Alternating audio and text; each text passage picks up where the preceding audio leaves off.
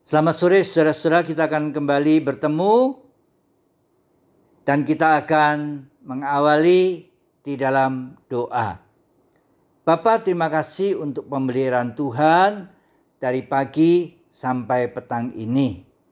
Kami kembali ingin merenungkan cinta kasih Tuhan lewat firman yang tidak kami baca dan renungkan.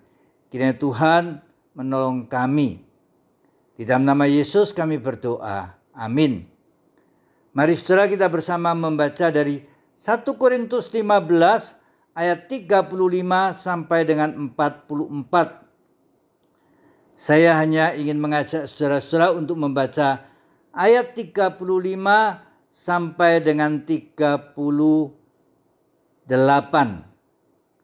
1 Korintus 15 ayat 35 sampai dengan 38. Tetapi mungkin ada orang yang bertanya, bagaimanakah orang mati dibangkitkan dan dengan tubuh apakah mereka akan datang kembali? Hai orang bodoh, apa yang engkau sendiri taburkan tidak akan tumbuh dan hidup kalau ia tidak mati dahulu.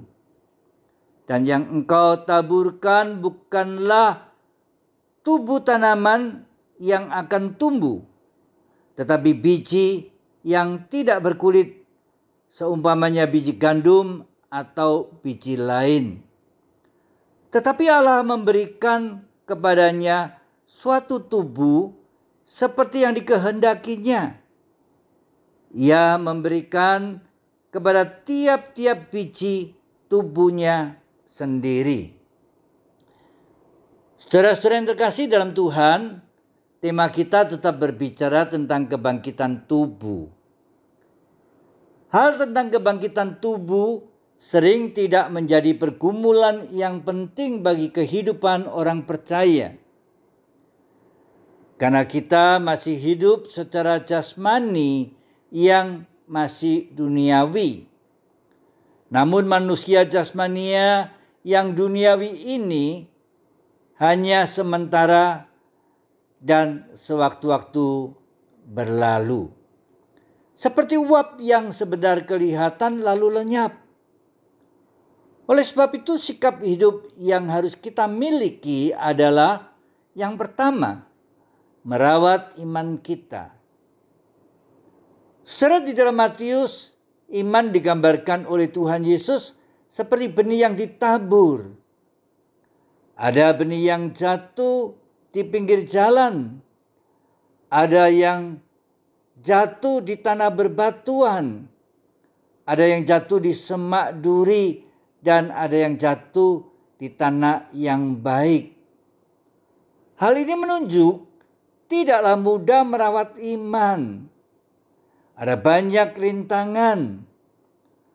Tetapi tanggung jawab kita sebagai orang percaya adalah merawat agar iman itu tetap bertumbuh dan berbuah.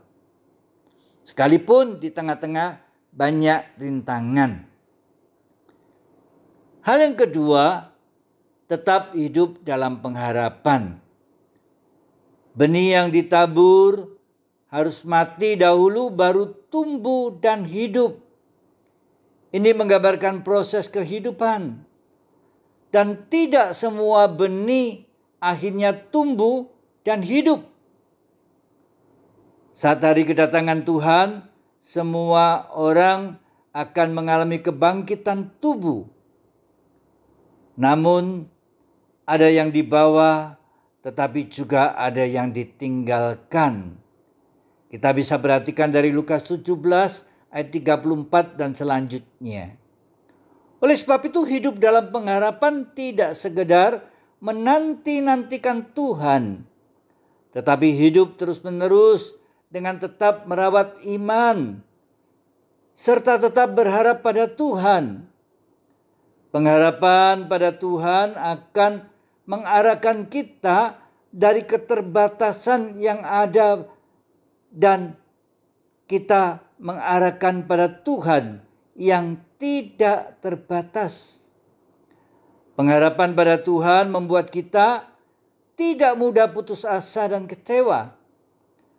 Pengharapan pada Tuhan memampukan kita untuk menghadapi segala bentuk rintangan dan tidak ada yang mustahil. Dalam masa sulit, kita tetap dimampukan menjadi berkat lewat tutur kata yang menyejukkan, lewat sikap yang membawa damai di tengah kerusuhan dan selalu menebar kasih lewat perbuatan baik kita.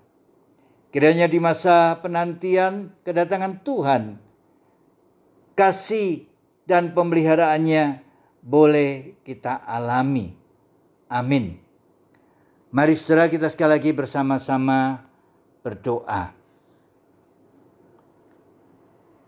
Bapak, terima kasih kami menyadari di masa-masa akhir zaman ini kehidupan tidak semakin mudah. Sebaliknya tantangan terhadap iman kami makin hari makin nyata. Tetapi berikan kami ya Tuhan kemampuan untuk terus boleh bertahan dalam merawat iman kami, dalam hidup tetap berpengharapan kepada Tuhan yang siap untuk mendampingi dan menolong kami.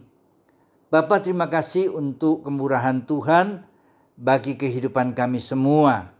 Kami percayakan doa kami hanya di dalam nama Tuhan kami Yesus Kristus. Amin.